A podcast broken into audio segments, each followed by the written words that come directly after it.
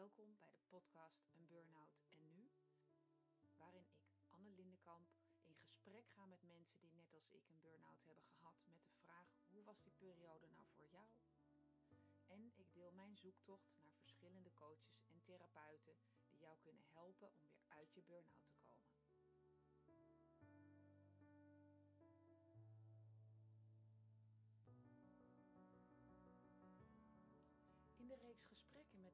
zelf hebben ervaren hoe het is om een burn-out te hebben, deze week een bijzonder interview met Femke Vrij. Femke is getrouwd met Rogier en samen hebben ze twee kinderen. Ze heeft jarenlang gewerkt in de evenementenbranche voor onder andere de Hospitalitist, de Jaarbeurs en Ahoy Rotterdam.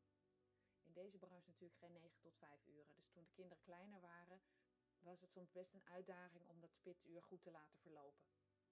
Femke ken ik als iemand alles doet met volle overgave, zonder rem. Zo is ze in de werk, zo is ze met familie en zeker ook met vrienden. Altijd alles doen met volle overgave, dat bracht haar echt heel veel. Tot die dag. Toen was het ineens op. Wij praten samen over hoe het is om een burn-out te hebben en de uitdagingen die altijd op je pad zullen komen. Luister naar een openhartig gesprek met Femke Vrij over haar noodkreet, haar zoektocht naar de handleiding en haar nieuwe gevonden motto: Dans met het leven.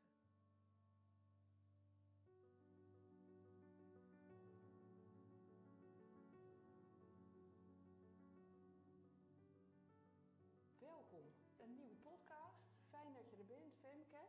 De reden waarom je hier bent is dat wij, wij delen een burn-out. Jij de jouwe en ik de mijne. En uh, zou je jezelf willen introduceren? Nou, dat zou ik doen. Dankjewel Anne. Leuk om hier uh, bij jou in de podcast uh, te gast te zijn. Ja, wij kennen elkaar inderdaad van het schoolplein ja. via de kinderen. Ja. Uh, wisten denk ik niet heel veel van mekaars werk af. En, Helemaal niet, als ik eerlijk ben. Nee, nee, ik dacht, dan, we bereiden dit voor. Toen dacht ik, oh, wat heet ze ook eigenlijk? Ja, en dan jaren later kom je bij elkaar weer op elkaars pad. En via de asperges in de coronatijd hier verkocht. Ja. En, uh, en zo raakten we eigenlijk weer opnieuw aan de praat. Um, ja, ik heb eigenlijk jarenlang in de evenementenbranche gewerkt. Ik denk ruim 20 jaar. Uh, eigenlijk altijd voor cateraars. Een redelijk Uh, want evenementen vinden s'avonds en in het weekend veel al plaats. En ik verkocht de evenementen, of eigenlijk de catering bij de evenementen. En daar mooie concepten omheen. Dus ik werkte eigenlijk ja, wanneer dat nodig was. En dat was best vaak. En dat vond ik ook nodig. Ja. Dus dat is eigenlijk een beetje ja, hoe mijn werken was uh, voordat ik überhaupt echt uh, helemaal eruit klapte, zeg maar. Maar je hebt dus en in het weekend en s'avonds, precies als je kinderen wel thuis zijn. Dus ik kan me best wel voorstellen dat dat lastig is om te combineren. Ja, gelukkig heb ik een man die, ook die heel flexibel is. En die had wel een redelijk nou ja, gewone baan. Als in van bij wijze van spreken van 9 tot 5 gewoon. Um, uh, ja, waardoor dat eigenlijk thuis wel prima ging. En uh, doordat ik ook in de weekend en s'avonds werkte, kon ik ook wel eens, had ik soms wel de vrijheid om smiddags een keertje wat eerder naar huis te. Zodat je daar eventjes net dat spitsuur wat rustiger ja, ja, ja. door kon lopen, zeg maar. Uh, maar uiteindelijk toch die burn-out. Ja, ja, ondanks dat ik ervoor gewaarschuwd werd dat ik het zelf ook wel eens uh, allemaal te zwaar en te veel vond. En dan dacht ik, oké, okay, gewoon even een stapje terug. En dan uh, zette je weer de denkbeeldige knop om en ging je weer door. En uh, op een gegeven moment had ik ook een collega die zei, ach, adem in, wordt vanzelf weer kerst. En toen dacht ik, ja, zo is het ook. Ja, zo is het ook. En dan gaan ja. we gewoon weer door. Ja. er was altijd weer ergens een soort lichtpuntje. En, uh, of er was er een heel gaaf evenement waar we keihard naartoe aan het werken waren. En, uh, maar ja, als dat voorbij was, dan was er ook weer het volgende evenement. Dus zo bleef het maar doorgaan. Dus ja, op een gegeven moment ren je jezelf voorbij.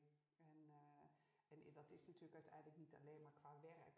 Een burn-out is wat mij betreft echt wel het samenspel van wie jij bent als persoon, hoe je karakter, hoe je in elkaar zit, wat je van het leven belangrijk vindt, de lessen die je van huis hebt meegekregen, plus je werk.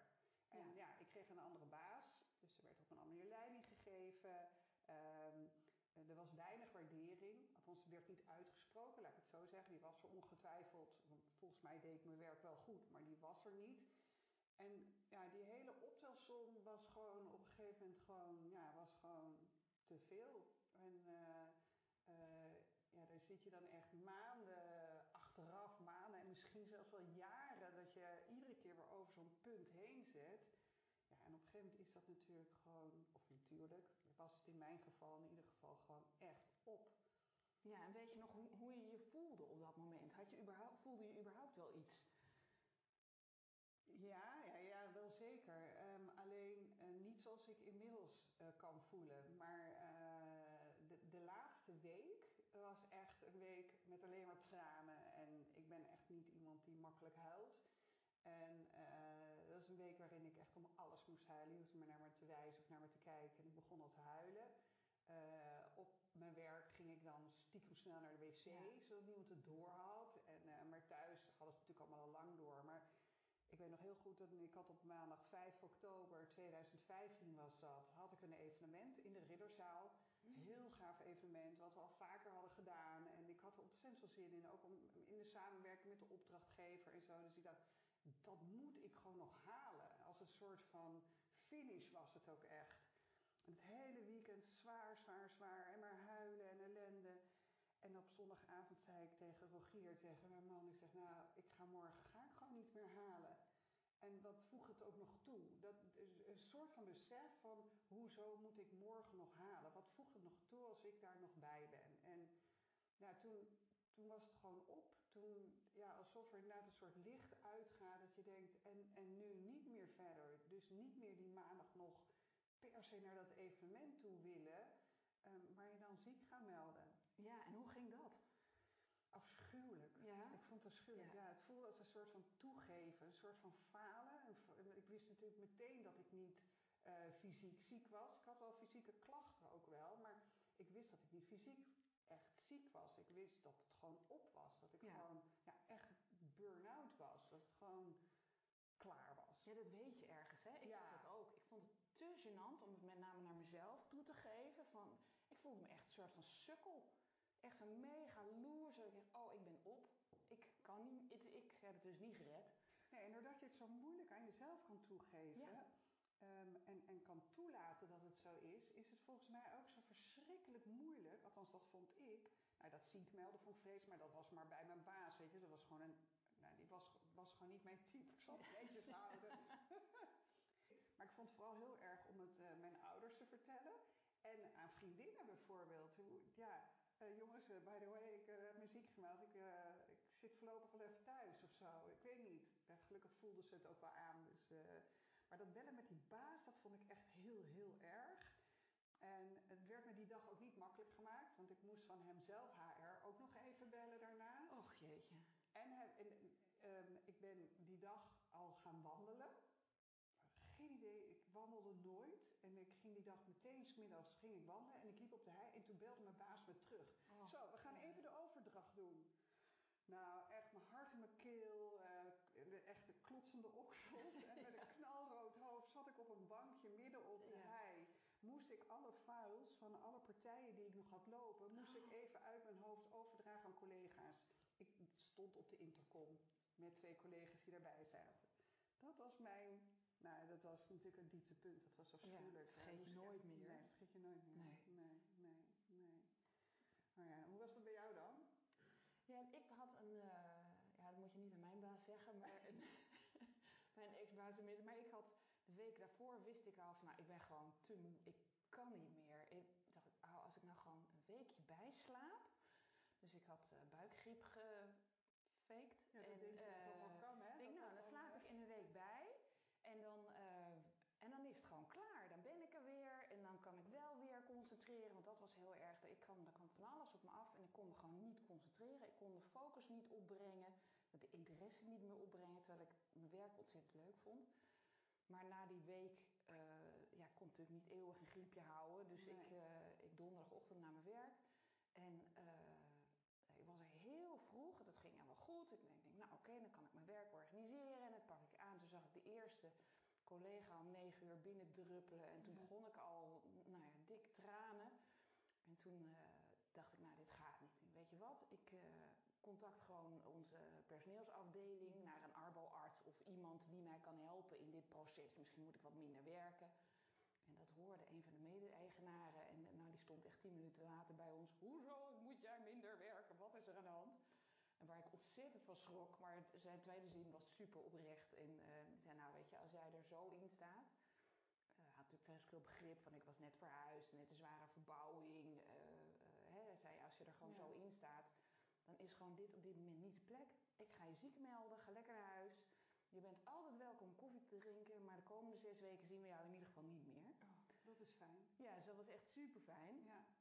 Maar, uh, maar ik schaamde me wel heel erg. Hè, met wat jij net zei, van ik moest het mijn vriendinnen vertellen. Daar heb ik dus gewoon twee weken over gedaan. Ja. Ik heb gewoon twee weken onder de radar geleefd. Ja. En alles wat er om me afkwam was, ja, nee, ik heb het even druk of het staat mijn hoofd niet zo naar. Dus ik heb nooit gezegd, uh, nooit gelogen of zo, dat ik naar mijn werk moest, dat niet. Maar wel vermeden om te erkennen dat ik, uh, dat ik gewoon op was, dat ik echt niet meer kon. Ja, herkenbaar. Ja. Heel herkenbaar. Ja, ik vond echt, die schaamte vond ik echt, echt verschrikkelijk. En bij mij, hè, wat jij aangeeft, was natuurlijk ook een combinatie van uh, zakelijk en privé. Hè, wat ik al zei, met die, Ja. met die verbouwing. En, uh, en ik wilde dat echt super goed doen. We hadden natuurlijk een huis en het is ons droomhuis. Ja. En hè, we zitten er nu in en ik ben echt super blij met het huis. Maar ik was ja, alles wat ik besluit, dat moet wel echt heel erg goed zijn. Want dit is het moment.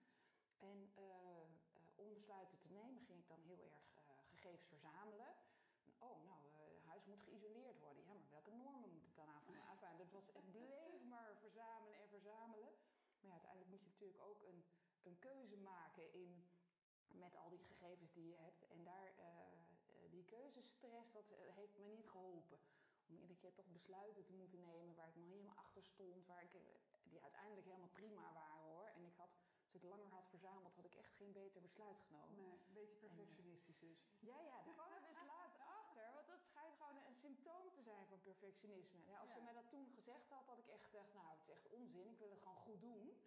En ik moet het gewoon goed doen, want dit is mijn kans. Maar, uh, maar ik had dat niet onder perfectionisme geschaard. Nu Nee. naar onderzoek daarna wel. Daar, uh, hè, maar jij roert het perfectionisme al aan. Herken jij iets in perfectionisme? Ik heb mijn voorbeeld natuurlijk gegeven op de keuzestress. Heb jij daar nog ervaringen mee Ja. in relatie met je burn-out? Ja, niet zo heel erg die keuzestress, geloof ik. Ik heb me altijd wel gerealiseerd dat je, nou, dat, dat je altijd keuzes kunt maken, zeg maar. Um, ja, nou, dat is trouwens niet helemaal waar wat ik nu zeg. Want ik herinner me nu heb, toen ik uh, naar de middelbare school ging, wilde ik per se naar het gymnasium. Um, dat vond ik gewoon de leukste school. Ik had totaal geen uh, VWO-advies of zo. Maar uiteindelijk met een toelatingstoets mocht ik naar het gymnasium in Hilversum. Dus een integraal. Ja, dus wil je ook niet blijven zitten of eraf moeten. Ja. Ik wilde gewoon daar blijven. Maar toen had ik uiteindelijk dat gymnasiumdiploma. En toen er tijd ging je natuurlijk met gymnasium echt niet naar een HBO-opleiding of iets. Dus ik vond dat ik toen geen keuze had. Dat ik, dat ik naar WO moest. Dat ik naar de universiteit ja. oh, dat herken moest. ik wel. Dat ik ook. Ja. En dat vind ik wel heel jammer. Want als ik me toen gerealiseerd had dat er wel degelijk keuze was. Je had natuurlijk al keuze uit verschillende universitaire studies. Maar universiteit was gewoon achteraf gewoon niet echt iets voor mij geweest. Ik had veel beter een HBO-opleiding kunnen doen. Maar goed, um, inmiddels weet ik dat je eigenlijk altijd dus wel keuze hebt. Maar um, uh, ja, je moet ze wel zien. Je moet Ja. wel zien wat je keuzes dan zijn. Want soms lijkt het alsof er helemaal geen keuze is. Maar perfectionisme, dat houdt mij vooral heel erg tegen in dat ik nooit tevreden ben. En dingen dat ik nooit vind dat ik dat het goed genoeg doe, zeg maar. We zijn nu heel erg aan het klussen in huis. En dan, um, nou, lichamelijk werkt het dan een beetje tegen. Want ik kan mijn armen niet hoger dan, uh, sowieso niet boven mijn schouders werken en zo. En uh, uh, uiteindelijk had ik dan een paar klusjes bedacht waarvan ik dacht, die kan ik dan wel doen. Ja. Maar dan sta ik dat te doen en denk ik, oh, dan heb ik overal pijn. En denk ik, ik kan het niet. En, uh, en het wordt toch niet mooi. En uh, ben ik totaal weer ontevreden. Dus dan kom ik weer helemaal terug in een rol van, nou eigenlijk van voor mijn burn-out. En, en, en ook wel in die eerste periode. Dat ik zo ontevreden ben in hoe ik dingen kan doen. Dat ik, ik heb gewoon gezegd, ik ga nooit meer klussen. Ik doe het gewoon Nee. niet meer. Maar puur dus eigenlijk vanuit- vermijden is dat dus. Ja, hè? Dus maar ook je oordeelt dus heel sterk over jezelf. Ja. Je veroordeelt eigenlijk gewoon jezelf. Ja, ja, daar begint het. En ik vind jou eigenlijk best wel leuk namelijk. ik vind het knap dat je dat kan beoordelen. Ja, dankjewel. Ja, dat helpt dan toch ook weer, toch?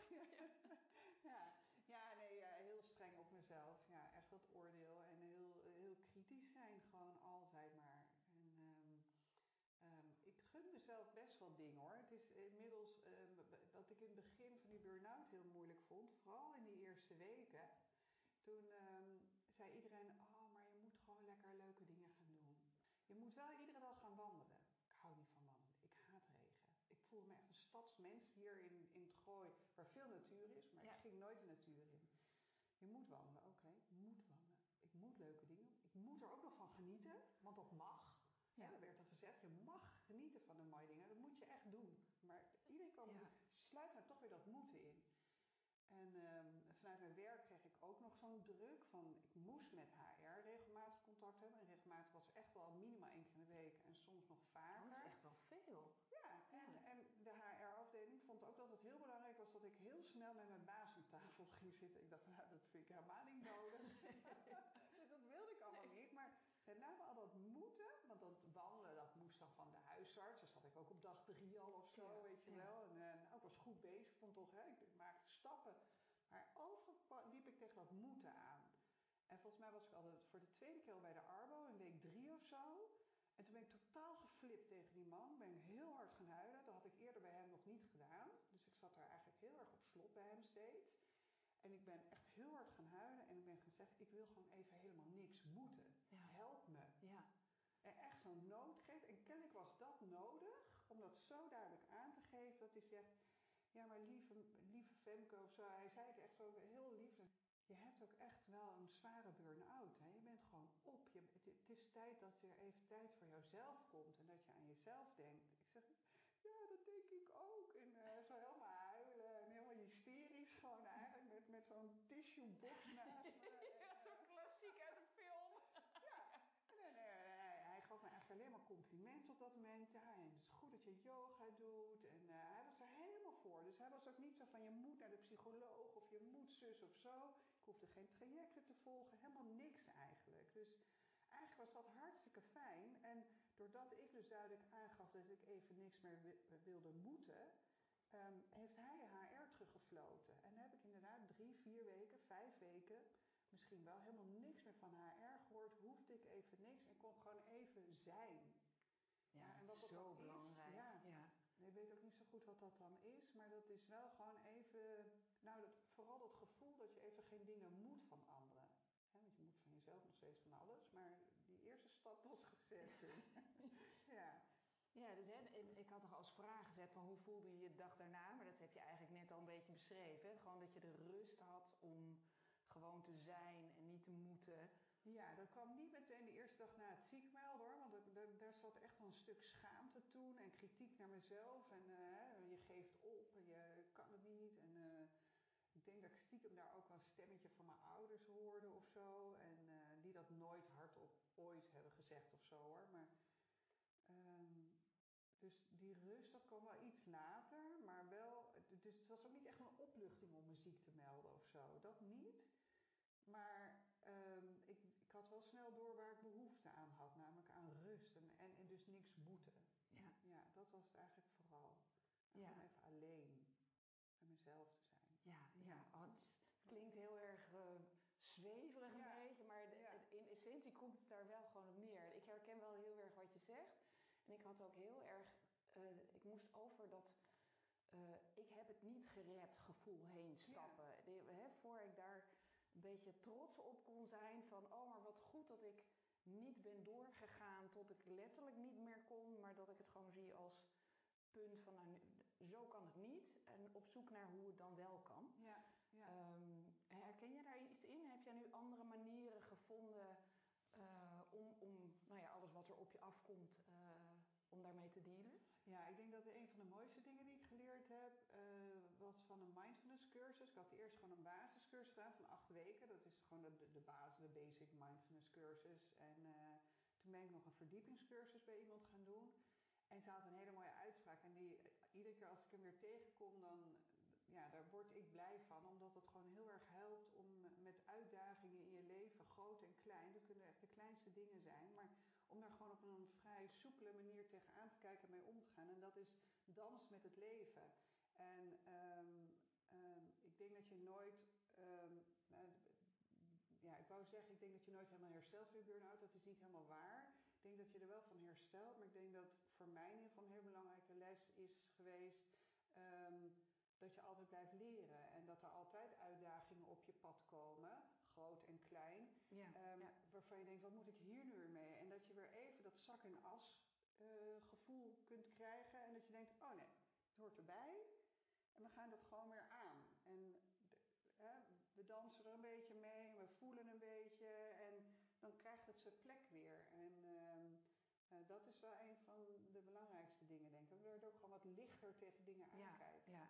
want hè, eh, je hebt nu zo'n hele transitie eigenlijk meegemaakt. Ja. En zijn er nu nog tips waarvan je zoals je nu bent en nu in het leven staat, die je zelf graag had willen vertellen aan jou toen? Toen je net thuis zat, toen je net. eh, eh, zijn er dingen dat je een advies of een tip voor. eh, waar jij heel veel aan gehad zou hebben op dat moment? Het zou natuurlijk heel mooi zijn als er echt een handleiding was. Daar heb ik ook heel vaak geroepen. Waar is die handleiding? Ja, ja. Waarvan ik natuurlijk donders goed weet dat die niet bestaat. Omdat iedere burn-out anders is en ieder mens anders is. Ehm, maar ja, als belangrijkste tip. Ik ben, ik ben blij dat ik heb opgevolgd wat mijn huisarts mij zei. Ga iedere dag naar buiten. Ga wandelen. Of het nou regent of niet. Ze zei niet ga iedere dag een half uur naar buiten. Of je moet iedere dag zus of zo lang. Of, of daar. Nou, dat, dat was allemaal niet belangrijk. Maar ik moest iedere dag naar buiten. En soms was het alleen even naar de bakker op en neer lopen. Ja. Maar dan was ik wel naar buiten gaan. En daar kon ik tevreden van worden, zeg maar. Het feit dat ik het gedaan had. En eh, langzaamaan ging ik ook merken dat regen niet zo erg was. En dat de natuur iets eh, rustgevends kan geven. Dat er enorme kracht vanuit de natuur. ehm, dat, dat in de natuur een enorme kracht zit. eh, die je ook zelf kan voelen in jezelf. En dat, ja, het is allemaal vreselijk zweverig. Maar het is. ehm, ik denk als, als ik dat had geweten en gevoeld had toen al, dat dat echt, echt wel had gescheeld. Ik heb het uiteindelijk ervaren. Ja. Dat ik, ik voel me altijd een beetje het braafste meisje van de klas. En ik heb dus heel braaf dat advies wel opgevolgd. En ik denk ook dat dat gewoon toch het nummer één advies is. ehm, wat, ik je echt, wat ik echt mensen die nu in die fase zitten echt zou willen aanraden van doe het. Het maakt niet uit, al is het vijf minuten of ga je in de tuin even een kopje koffie drinken. Is ook goed, dan beweeg je niet. Maar het liefst Met beweging. even die ja. beweging. Want Ja. bewegen is echt zo fijn en dan buiten. En dat duurt echt even voordat je dat zo ervaart, maar het helpt echt. En dan komt het goed. Nou ja, Ja. dat weet ik. Dat, dat, ik ga je dat niet op een briefje geven dat het dan goed komt. Maar ik denk dat het dan eh, over, overal bij de mensen goed komt. Ja. Dus de- moet gewoon in iedere handleiding. Ja, iedere ja. burn-out is persoonlijk, iedere handleiding is persoonlijk. ja, Maar ga bewegen en ga naar buiten kan Ja. in iedere handleiding. hoe simpel eigenlijk. Hè? Al Ja. is het iedere dag voor dat broodje. En dan ga je de volgende keer maar naar een bakker wat verder weg. Vergroot je zo je rondje. Weet je, ja. Maar ga naar buiten. Ja, Ga doen. Doe het. En wees trots op jezelf dat je het dus ook doet. Iedere dag weer. dat is het hè. Wees trots op jezelf. Ja, en Ja. wees weer blij met jezelf. Ja, Ja, ja. ja. Nou, dankjewel. Prachtige afsluiter. Ik ben heel blij dat je het interview wilde doen. Graag gedaan. Ja, heel veel bewondering voor hoe je, hoe je na je burn-out je leven eigenlijk weer eh, helemaal naar je eigen hand hebt gezet. Dat zie ik als groot voorbeeld. Nou, wil ik dan nog wel één ding aan toevoegen, wat ik altijd wel grappig vond. De, dat, de vraag die ik vaak kreeg, ben je alweer een beetje de oude? En dan vrij snel antwoordde ik daarop. Nou, vrij snel was het na een half jaar of zo. De eerste maand natuurlijk echt niet. Dan lag ik er nog vanaf en vond ik het allemaal maar stom nog steeds. Maar na een paar maanden dat hoop ik niet. Ik hoop het ook nooit meer te worden, die oude. Ik hoop dat ik mezelf ontwikkel tot een nieuw persoon met Ja. mijn handvatten. En het gaat lang niet altijd goed, hè. Want ik bedoel, ik, ik, ik weet precies wat goed is voor me. En het doet ook niet altijd. Maar ik weet wel wat ik dan moet doen om weer in het gereel te komen. Om weer meer in balans te zijn. En Ja. ik denk dat dat de grootste winst is. Dans met het leven. Ja, dans Ja, met het leven. Super, Precies. dankjewel. Dankjewel.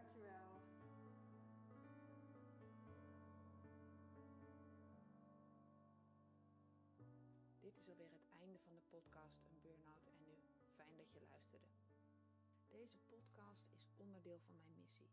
Ik help graag zoveel mogelijk mensen bij het zetten van die eerste stap van herstel als je helemaal bent opgebrand. Wil jij ervaren hoe ik jou kan helpen? Maak dan een afspraak op de website eenburnoutenu.nl nu.nl. Daar kan je ook mijn gratis e-book downloaden met 11 tips voor meer energie.